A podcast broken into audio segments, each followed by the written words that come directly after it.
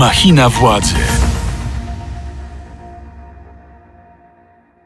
Witam w 31. odcinku drugiego sezonu Machiny Władzy, podcastu Radia Z, w którym analizujemy najważniejsze wydarzenia w Polsce i na świecie. Ja nazywam się Mikołaj Pietraszewski, a moim Państwa dzisiejszym gościem jest dr Maciej Lasek, inżynier, specjalista w zakresie mechaniki lotu, były przewodniczący Państwowej Komisji Badania Wypadków Lotniczych, obecnie poseł Koalicji Obywatelskiej. Dzień dobry, panie pośle. Dzień dobry, panie redaktorze, dzień dobry państwu. Podkomisja Smoleńska złożyła zawiadomienie o podejrzeniu popełnienia przestępstwa polegającego na przeprowadzeniu zamachu na prezydenta Lecha Kaczyńskiego oraz morderstwa pozostałych 95 osób podróżujących samolotem Tu-154, poinformował kierujący tą podkomisją były minister obrony narodowej Antoni Macierewicz. Zgodnie z tym przepisem, kto dopuszcza się zamachu na życie prezydenta RP, podlega karze pozbawienia wolności, maksymalnie karze dożywotniego pozbawienia wolności. W zawiadomieniu pisze, że obydwa te czyny, bo także e, dotyczy on e, usunięcia przemocą konstytucyjnego organu RP, miały zostać dokonane, jak wskazano, poprzez zabójstwo w wyniku motywacji zasługującej na szczególne potępienie z użyciem materiałów wybuchowych. Zanim jeszcze ten dokument trafił do prokuratury, zapowiedział go podczas niedzielnych obchodów 13. rocznicy katastrofy w Smoleńsku prezes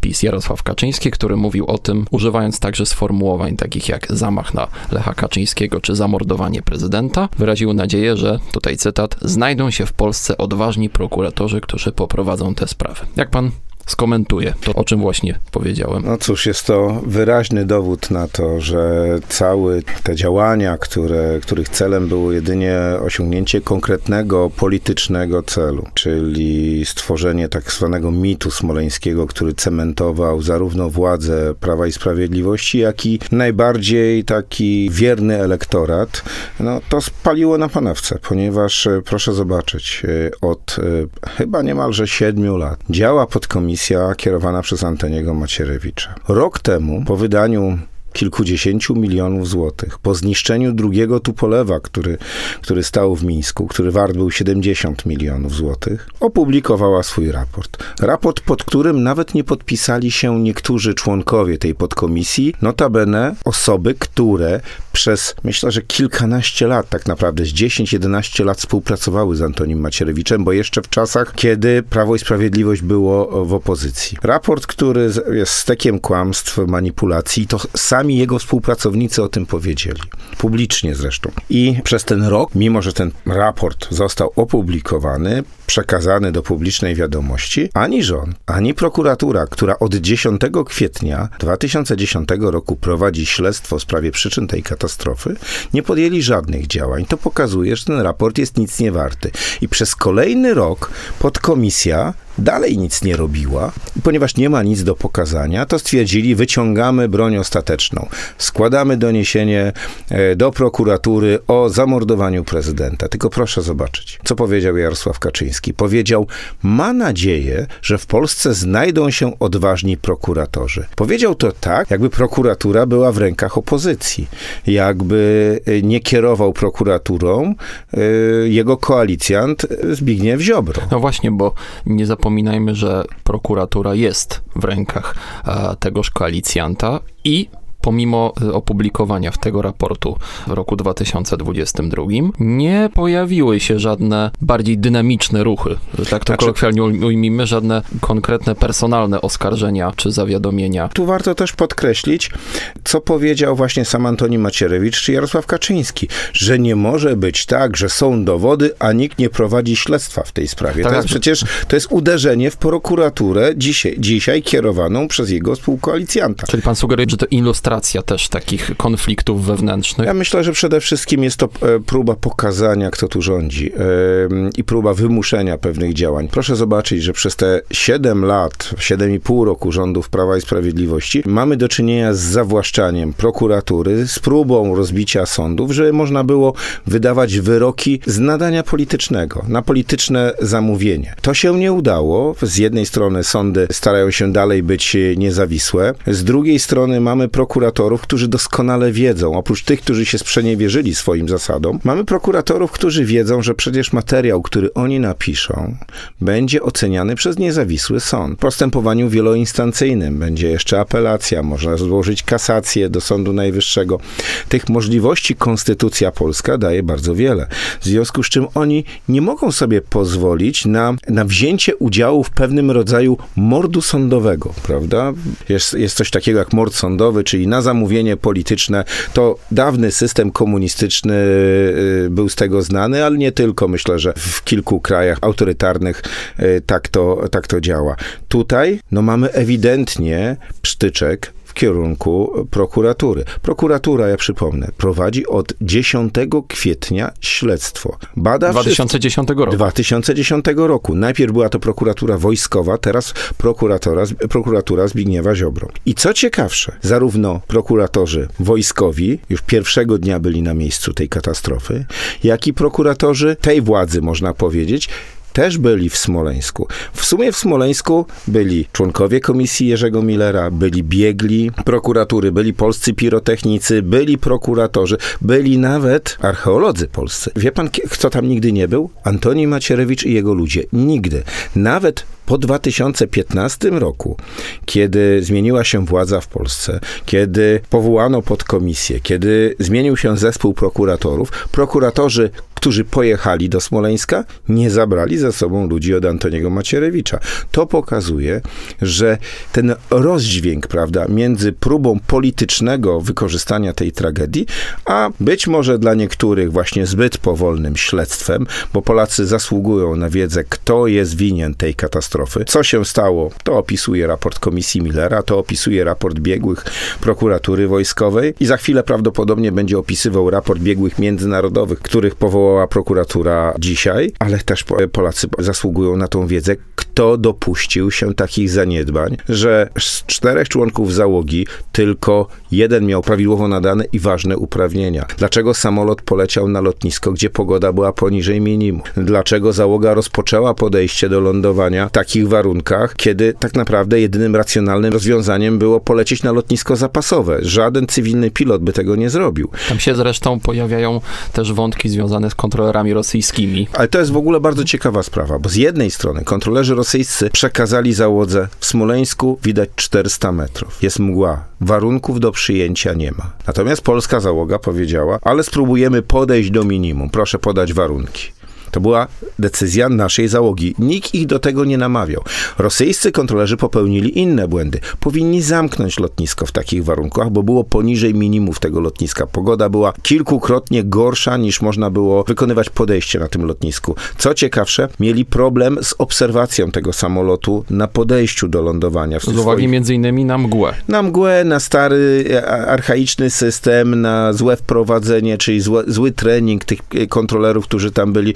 Oni tego nie ukrywali, oni między sobą nawet mówili to.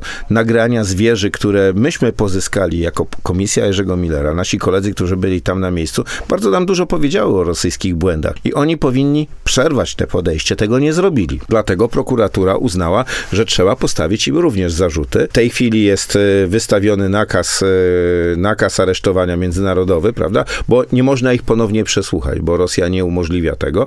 E, natomiast, no jeszcze można powiedzieć, nie ma aktu oskarżenia, są zarzuty. Ale ja... widzi pan, bo pan wspomina też o tym, że sporo Polaków nadal, tak to zrozumiałem, chciałoby dokładnie wiedzieć, co tam się wydarzyło i być może tym właśnie cały czas y, kierownictwo Prawa i Sprawiedliwości ze szczególnym uwzględnieniem Antoniego Macierewicza i Jarosława Kaczyńskiego jakoś gra właśnie, że jest spora grupa Polaków, którzy wciąż nie wiedzą, co się stało, a my zagospodarujemy ale, tą ich ciekawość. Ale, ale to, jest oczywiście, to jest oczywiste. To jest typowe wykorzystanie tragedii do celów politycznych, do, doraźne, do osiągnięcia konkretnego, doraźnego efektu. Natomiast Polacy chcą wiedzieć, kto jest winien i chcą, żeby zakończył się ten taniec, makabryczny taniec na trumnach. Co rok ponownie rodziny ofiar przechodzą traumę, ale w międzyczasie, w ciągu ostatni, ostatniego roku wydarzyły się kolejne E, takie dosyć spektakularne informacje. Redaktor telewizji TVN24 Piotr, Piotr Świerczek, tak. prawda, dotarł do dokumentów, które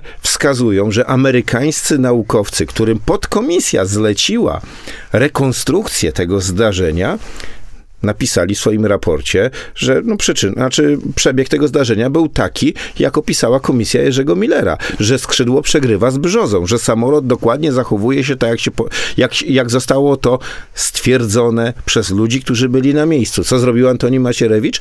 Po pierwsze, ukrył ten raport, nawet przed niektórymi swoimi współpracownikami. Po drugie, można powiedzieć, zmanipulował tą informację, bo powiedział, że Amerykanie potwierdzili ich ustalenia, co nie jest prawdą. E, Cały raport można dzisiaj znaleźć w sieci, bo, bo został upubliczniony i każdy jest jeszcze chyba nawet przetłumaczony na język polski, jakby ktoś miał z tym problemy, z tym trudnym technicznym językiem. I to, jak to mówią, czarno na białym jest tam wyświetlone. Kolejna rzecz. E, Gdzieś w grudniu e, zeszłego roku prokuratura wysłała do rodzin ofiar informację, że będzie zasięgnięta uzupełniająca opinia biegłych, też międzynarodowych, bo oni napisali, że żadna z ofiar nie zginęła w wyniku oddziaływania materiałów wybuchowych.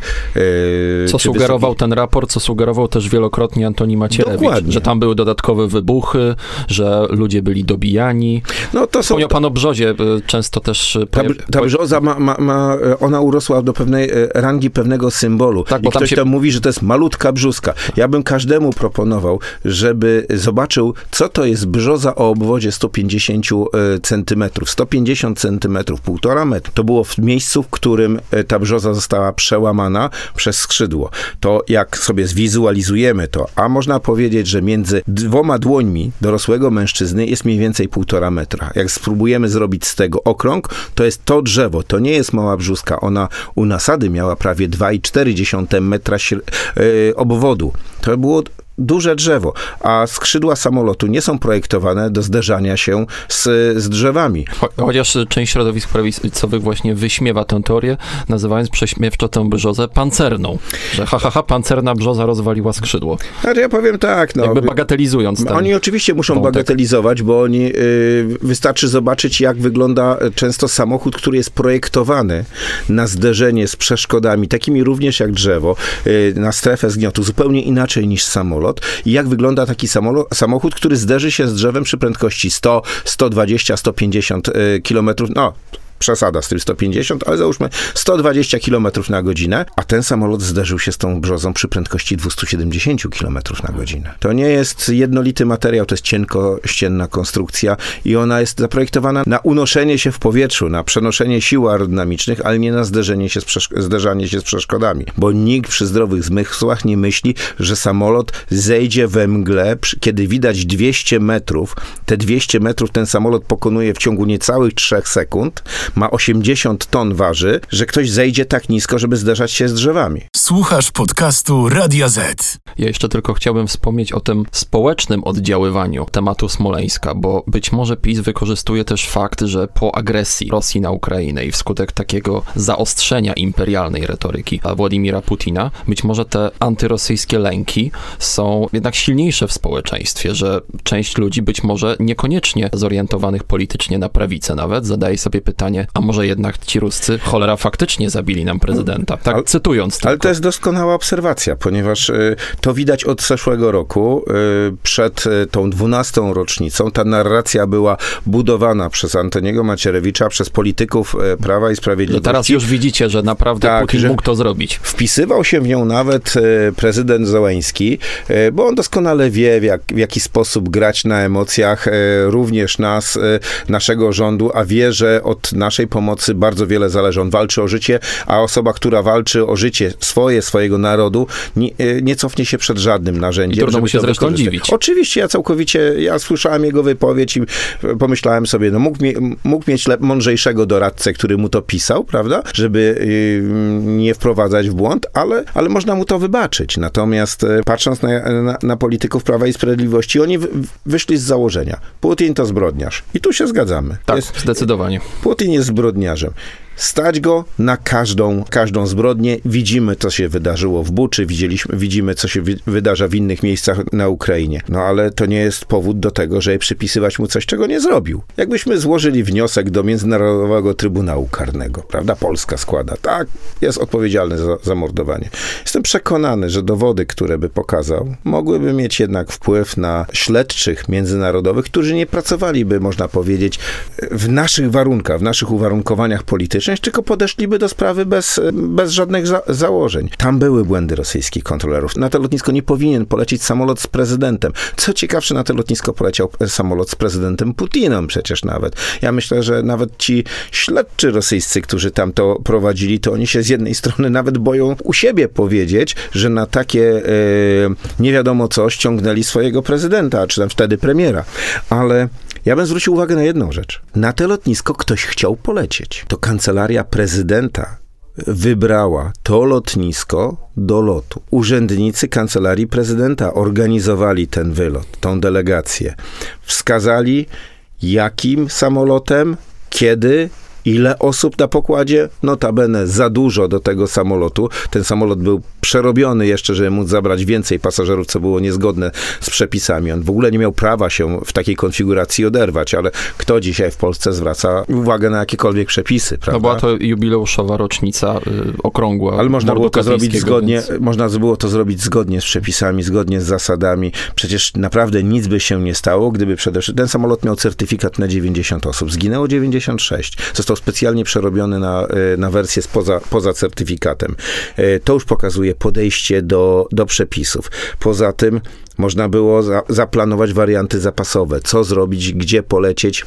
Były lotniska Witebsk, Mińsk, e, ewentualnie Moskwa zaplanować wylot wcześniej, gdy była gorsza pogoda, żeby albo zaplanować uroczystości później, robiąc sobie taki zapas. Ja przypomnę, całkiem niedawno było takie, było takie zdarzenie, kiedy pan prezydent Duda miał polecieć do Rzeszowa na powitanie prezydenta Bidena. I się spóźnił, wrócił, bo samolot miał usterkę, poważną usterkę. Mayday w powietrzu było zgłoszone. I pamiętam ten szum, głównie wśród polityków, ale i zdarzały się y, głosy ze środowiska dziennikarskiego. Przecież ten samolot mógł polecieć tam, to nic nie stało. By wyl przecież wylądował w Warszawie, to mógł wylądować również w tym, w Rzeszowie i prezydent by się nie spóźnił. Nic bardziej mylnego. Przepisy są tworzone na podstawie, znaczy pisane krwią ofiar wypadków. Nie wolno chodzić na skróty.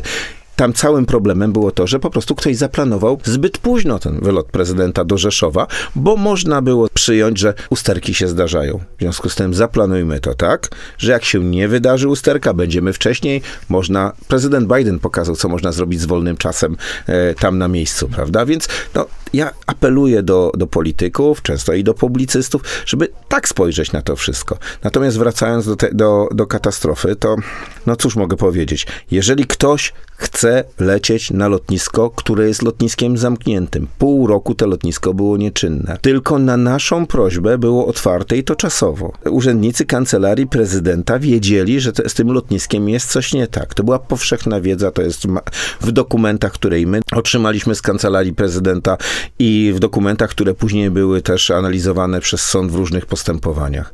I Osobą, która nadzorowała pracę urzędników, wtedy był ówczesny minister w kancelarii prezydenta, pan Jacek Sasin. O którym zresztą pod y, komisja i Antoni Macierewicz raczej nie wspominają jako no, uczestniczącym w bo tym procesie. Bo im to nie pasuje, ale jak popatrzymy sobie na ilość różnych innych spraw takich zawalonych, jak Turów, jak, y, no, można byłoby mnożyć, prawda, gdzie nadzorował to minister y, Jacek Sasin. Wybory no, to, kopertowe? No, można, można powiedzieć człowiek katastrofa. Było kilka raportów, które mówiło, co się wydarzyło w Smoleńsku. Raport Komisji Millera, raport zespołu biegłych prokuratury wojskowych kierowanej przez pułkownika Milkiewicza. To, był, to jest człowiek, który jest legendą w badaniu wypadków lotniczych w Polsce. To jest człowiek, który badał obie katastrofy Iłów, a przede wszystkim Iła 62 w 87 roku w Kabatach. To jest człowiek, który absolutnie nie kocha, można powiedzieć, z, yy, Związku Radzieckiego dawno, dawniej i Rosji i tamtego systemu, bo on za to, że powiedział, że za śmierć 180 kilku osób w 87 1997 roku odpowiedzialna jest rosyjska technika. E, on, on e, można powiedzieć, przekreślił swój awans generalski, musiał odejść z wojska, ale pierwszego dnia, 10 kwietnia 2010 roku, był na miejscu jako ekspert w Smoleńsku. I można powiedzieć, że doszli dokładnie do takich samych wniosków jak my. Pirotechnicy z policyjnego laboratorium kryminalistycznego, 1500-stronicowy raport. Wprost powiedzieli, byli na miejscu, oglądali szczątki, przeprowadzili później badania, ale jak e, z nimi rozmawiałem, powiedzieli, najważniejsze są oględziny. Mówi, nie ma żadnych dowodów na to, żeby e, wybuch był przyczyną tej, tej katastrofy. A na samym końcu warto powiedzieć jedną rzecz. Proszę Państwa, zobaczcie, co oni, czyli mówiła Antoni Macierewicz, jak oni wymyślili tą intrygę. Rok wcześniej, przed katastrofą, może półtora roku wcześniej, samolot jest w remoncie w Samarze, u producenta. To jest zawsze też tak podnoszone. A dlaczego nie w Moskwie, tylko w Samarze? No, zawsze najlepszym miejscem jest producent, prawda? Bo on wie, jak jest zbudowany ten samolot. I ktoś na lewym skrzydle już przewidział, że ten samolot będzie podchodził rok później w Smoleńsku w fatalnych warunkach i będzie leciał i tam będzie ta brzoza rosła. I to więc My zamontujemy tam pasek wybuchowy, bo tak mówi Antoni Macierewicz, że tam był zamontowany w lewym skrzydle pasek wybuchowy. Także brzmi to bardzo absurdalnie. Znaczy groteskowo, bo to znaczy, znaczyłoby, że ktoś wiedział, że Lech Kaczyński poleci do Smoleńska, że będzie fatalna pogoda, że polscy piloci złamią zasady i będą podchodzili do lądowania i przekroczą te minima, które są dopuszczalne, yy, że nie będą reagowali na systemy ostrzegawcze w samolocie. No wszystkie te rzeczy, że się sprzysięgną, prawda? Jeszcze nawet, że źle wprowadzą yy, Ale to już było po. E, ataku Rosji na Gruzję i słynnej wizycie prezydenta Lecha Kaczyńskiego w Tbilisi, więc już według e, zwolenników tej teorii Lech Kaczyński podpadł Kremlowi jako znaczy, potencjalny ja, znaczy, ja powiem tylko tyle, wróg. że e, niestety dwóch członków załogi z, z tego tragicznego lotu z 2010 roku obserwowało, co się działo w 2008 roku w tym próbie wymuszenia lotu do Tbilisi. Próbie wymuszenia przez prezydenta Lecha Kaczyńskiego, przez jego otoczenie, nawet przez szefa sztabu, o ile dobrze pamiętam, było polecenie wprost, że mają wykonać ten lot, ale wtedy major Pietruczuk, który był dowódcą samolotu, pokazał, co to znaczy asertywność, co to znaczy dbanie o bezpieczeństwo pasażerów, co to znaczy, co znaczą tak naprawdę zapisy w instrukcji HED, czyli tej w instrukcji przewozu najważniejszych osób w państwie. Tam jednym z pierwszych zdań jest napisane: dowódca samolotu nie przyjmuje od nikogo poleceń, niezależnie od funkcji, czy rangi na pokładzie. On jest tam pierwszym po Bogu. I on pokazał, jak to zrobić. Ale co później politycy PiSu próbowali zrobić, jak zniszczyć karierę tego odważnego oficera, to wszyscy widzieliśmy. Nazwano go tchórzem, próbowano mu sprawę karną założyć, nie mógł latać z prezydentem. Wszyscy pamiętali, e, jak to wyglądało. I dwa lata później załoga tego samolotu w fatalnych warunkach, wiedząc, że się już spóźnili, że się spóźnią, jeżeli polecą gdzieś indziej, podejmuje no ja bym powiedział tak, i wszyscy lotnicy tak mówią. Mocno nieracjonalną decyzję podejścia do minimum, mimo że warunki są znacznie gorsze i oni o tym wiedzą od rosyjskich kontrolerów i wiedzą nawet od swoich kolegów, którzy są już tam na miejscu. Co było przyczyną podjęcia tej decyzji? Ten samolot powinien być wysoko. Być może pamięć tego, co się zdarzyło w 2008 roku. Myśmy napisali o pewnym elemencie presji pośredniej, który doprowadził do takich decyzji. Która Kiedy... została później zinterpretowana jako szkalowanie prezydenta Kaczyńskiego i jego swojego otoczenia, także dowódców Jeżeli ktoś wojskowych. podejmuje decyzję mocno nieracjonalną, na co liczy? Kiedy jest, wie, że są grube chmury, wie, że widać najpierw 400 metrów, a potem 200 metrów, bo wiedzą o tym, że jest 200 metrów, a e, minima dla tego podejścia to jest 1000 metrów widzialności i podstawa chmur 100 metrów, a było mocno poniżej 50 metrów, to jeżeli ktoś podejmuje taką decyzję, to z jakiegoś powodu. Przecież nie liczy, że nagle niebo się rozstąpi i będzie widać i będzie można wylądować. Na coś liczy. Niestety, no wiele wypadków w lotnictwie wydarza się e, z tego powodu, że piloci chcą zrobić coś więcej niż, niż e, na co pozwalają im e, przepisy. Przekroczyć jest element, element ryzyka wpisany w ten zawód. Znaczy, ale my dążymy, przez dziesiątki lat dążymy, żeby zminimalizować te ryzyko. Jeżeli stosuje się, pilot stosuje się do przepisów, to lotnictwo jest najbezpieczniejszym środkiem transportu. Wypadki wydarzają się wtedy, kiedy się łamie przepisy. Tak naprawdę ponad 90% są e, przyczy, e, przyczyn wypadków, to spowodowane, spowodowane czynnikiem ludzkim. To czasem może być zmęczenie, czasami może być niedoszkolenie, czasami może być no, przekroczenie zasad. Jeżeli będziemy o tym pamiętali, że nie wolno chodzić na skróty, łamać procedur, to dotyczy całego życia. To jest tak samo jak na drodze. Można jechać 140 czy 160 e, km na autostradzie, mimo że jest to niezgodne z przepisami. Ale ryzyko, co się stanie z nami, kiedy e, dojdzie do kolizji, jest znacznie większe, prawda, niż gdybyśmy stosowali się do przepisów. Słuchasz podcastu Radia Z. Jak już jesteśmy przy temacie, który wiąże się w jakiś sposób z Federacją Rosyjską, to chciałbym poruszyć drugi segment tematyczny naszej rozmowy, czyli uchwaloną w ostatni piątek, 14 kwietnia, przez Sejm ustawę o powołaniu tzw. Tak Państwowej Komisji do Spraw Badania Wpływów Rosyjskich na Bezpieczeństwo Wewnętrzne Rzeczpospolitej Polskiej w latach 2007-2022. To jest e, komisja, o której już wcześniej, jeszcze w zeszłym roku opowiadał i której zarys przedstawiał na jednej z konferencji prasowych Jarosław Kaczyński. Mówił, że chodziło wtedy o powołanie komisji, która miałaby zbadać politykę energetyczną prowadzoną przez rząd polski w latach 2007-2015, czyli w czasach rządów Platformy Obywatelskiej. Ostatecznie ten pomysł wyewoluował jako właśnie taki organ, który miałby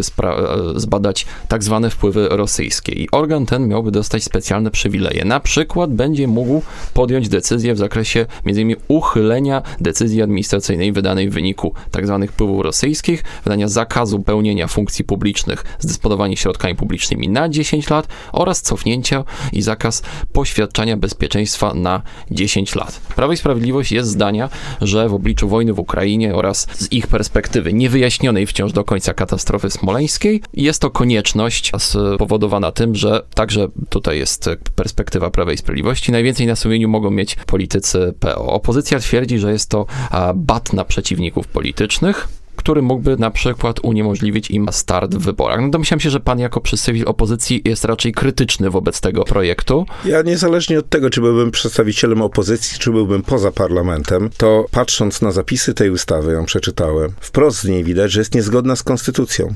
Likwiduje dwuinstancyjność postępowania, tworzy coś w rodzaju Trybunału Ludowego złożonego z polityków opcji rządzącej. To mi przypomina ustawę McCarthy'ego z 50 roku w Stanach, która była takim elementem polowania na czarownicę w Stanach I Zjednoczonych. I tropienia rzekomych wpływów komunistycznych. Dokładnie, przecież to niczym się nie zmienia. Wtedy złamano, złamano kariery bardzo wielu, e, wielu osobom. Jak pan się wczyta w tę ustawę, to można znaleźć, że to nie dotyczy tylko polityków. To również dotyczy ludzi sztuki, dziennikarzy, praktycznie wszystkich osób publicznych. Tak, i tam trzeba będzie się między innymi obowiązkowo stawić na przesłuchanie, jeżeli zostanie się wezwanym, pod groźbą kary pieniężnej. Co ciekawsze, kara pieniężna została ustalona na 20 tysięcy, jeżeli się za pierwszym razem nie stawi, i 50 tysięcy, jeżeli się za drugim razem nie stawi, i nie jest zaskarżana.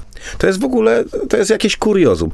Jeżeli świadek, dajmy na to, czy osoba wezwana przez sąd, nie stawia się na wezwanie sądu, to grozi mu kara 3000 złotych i to może się jeszcze odwołać że tak powiem, postępowaniu administracyjnym od tego. Tu mamy coś, no mamy w zasadzie taki, taki, taki, no, polowanie na czarownicę, to jest mało powiedziane. To jest po prostu Trybunał Ludowy, prawie że taki, jak w 30 chyba, czy w 32 roku powstał w Niemczech. Tak to mniej więcej wygląda. Trybunał do walki z wrogami politycznymi. I specjaliści, y, konstytucjonaliści wyliczyli, ile artykułów polskiej konstytucji ten, ta ustawa łamie. To jest tam chyba już prawie, że kilkanaście. Ja powiem tyle. Mam nadzieję, że, bo ta ustawa jest uchwalona, ale ona wróci, znaczy pójdzie teraz do Senatu. Senat ją raczej Zapewne odrzuci. odrzuci, wróci do Sejmu. My, my, będziemy głosowali za podtrzymaniem weta Senatu, ale potem trafi do pana prezydenta Dudy. I ja sobie nie wyobrażam, żeby w drugiej kadencji prezydent Duda pozwolił sobie na podpisanie ustawy tak jawnie łamiącej konstytucję, tak ławnie, jawnie łamiącej y, podstawowe zasady demokracji. Przecież to jest można powiedzieć, polityczna śmierć. I jestem przekonany, że tam będzie głos za, e, takiego rozsądku. Ale tym bardziej, że prezydent Duda po pierwsze e, w tej kadencji już kilkukrotnie się e, PiSowi sprzeciwił. Na przykład wetując dwukrotnie Lex Czarnek, wetując le, Lex TVN, odsyłając e, ustawę o Sądzie Najwyższym, która miałaby warunkować wpłaty z Krajowego Planu Odbudowy do Trybunału Konstytucyjnego. Tam ona ugrzęzła, ale też nie podpisał tak, jak na to liczyli politycy PiS. Plus wiemy z różnych spekulacji i informacji, informacji z, z jego środowiska, że y, liczy na jakieś e, stanowisko międzynarodowe po znaczy, zakończeniu kadencji. Być może tak, no. Osoby, które były w polityce, piastowały funkcję prezydenta dwie, dwie kadencje, mają prawo gdzieś pracować, prawda? Powinny się czymś jeszcze dalej zajmować. Ja nie wiem, jakie są plany pana prezydenta. Wiem, że e, par, e, parę osób z jego środowiska w tej chwili jest, czy w ONZ, czy generalnie... Krzysztof Szczerski na przykład, dokładnie. ambasador w Nowym Jorku. Chyba, chyba jeszcze tam pan Magierowski, tak mi się wydaje. On jest ambasador ambasadorem w Waszyngtonie. W Ale Waszyngtonie, tak. To są osoby, które są z jego środowiska. Ja nie sądzę, żeby był to przypadek. Ja bym z tego miejsca mógł tylko zaapelować do pana prezydenta, żeby no, stanął po stronie konstytucji, stanął po stronie demokracji, bo nigdy nie jest za późno, żeby zrobić coś dobrego. I można pozostawić po sobie dobre wrażenie, pomimo e, tego, że no, wielu z nas krytycznie ocenia tą pierwszą i w wielu przypadkach drugą kadencję, choć bardziej pierwszą kadencję prezydentury. Pan prezydent Duda w zasadzie w tej chwili już niczego nie musi oczekiwać od, od Prawa i Sprawiedliwości, bo proszę zobaczyć, jakby podpisał tą ustawę. I PiS wykorzystałby to rzeczywiście jako pałkę polityczną do walki z opozycją i do tego, żeby te wybory najbliższe były jeszcze bardziej e, nieuczciwe, można powiedzieć. One nie tylko nie byłyby nierówne, ale byłyby już nieuczciwe. To myślę, że nikt na świecie, w, przynajmniej w demokratycznym y, świecie, nie chciałby współpracować z taką osobą, która do, do, tego się przyczyniła. I tutaj Prawo i Sprawiedliwość, niezależnie od tego, jakby nawet wygrało wybory, to niczego bym panu prezydentowi e, Dudzie po zakończeniu kadencji, można powiedzieć, no, nie zapewniło czy nie załatwiło.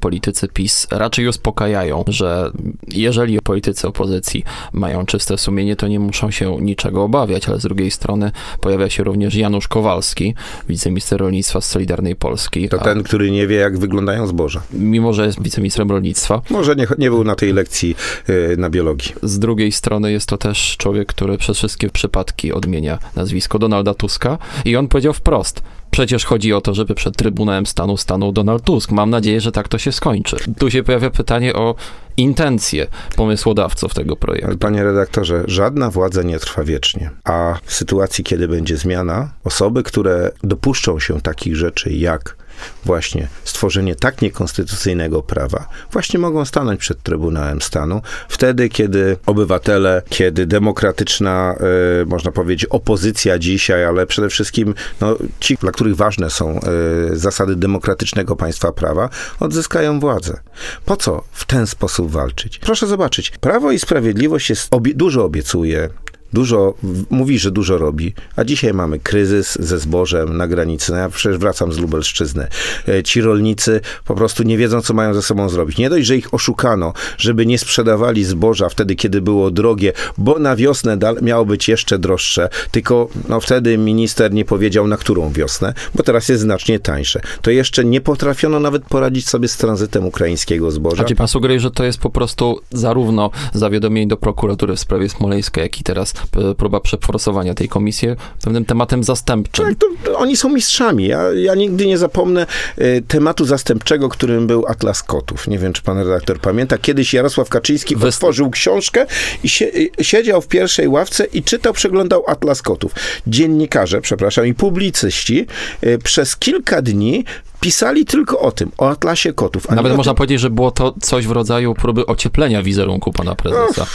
Może i tak, ale to, to, to, to pokazuje, jak łatwo odwrócić uwagę od ważnych rzeczy. Prezydent Duda podpisze tę ustawę, czy jednak nie? Że to jest tylko i wyłącznie pewien rodzaj straszaka oraz tematu zastępczego. Będę mocno rozczarowany, jeżeli ta ustawa zostanie przez pana prezydenta podpisana.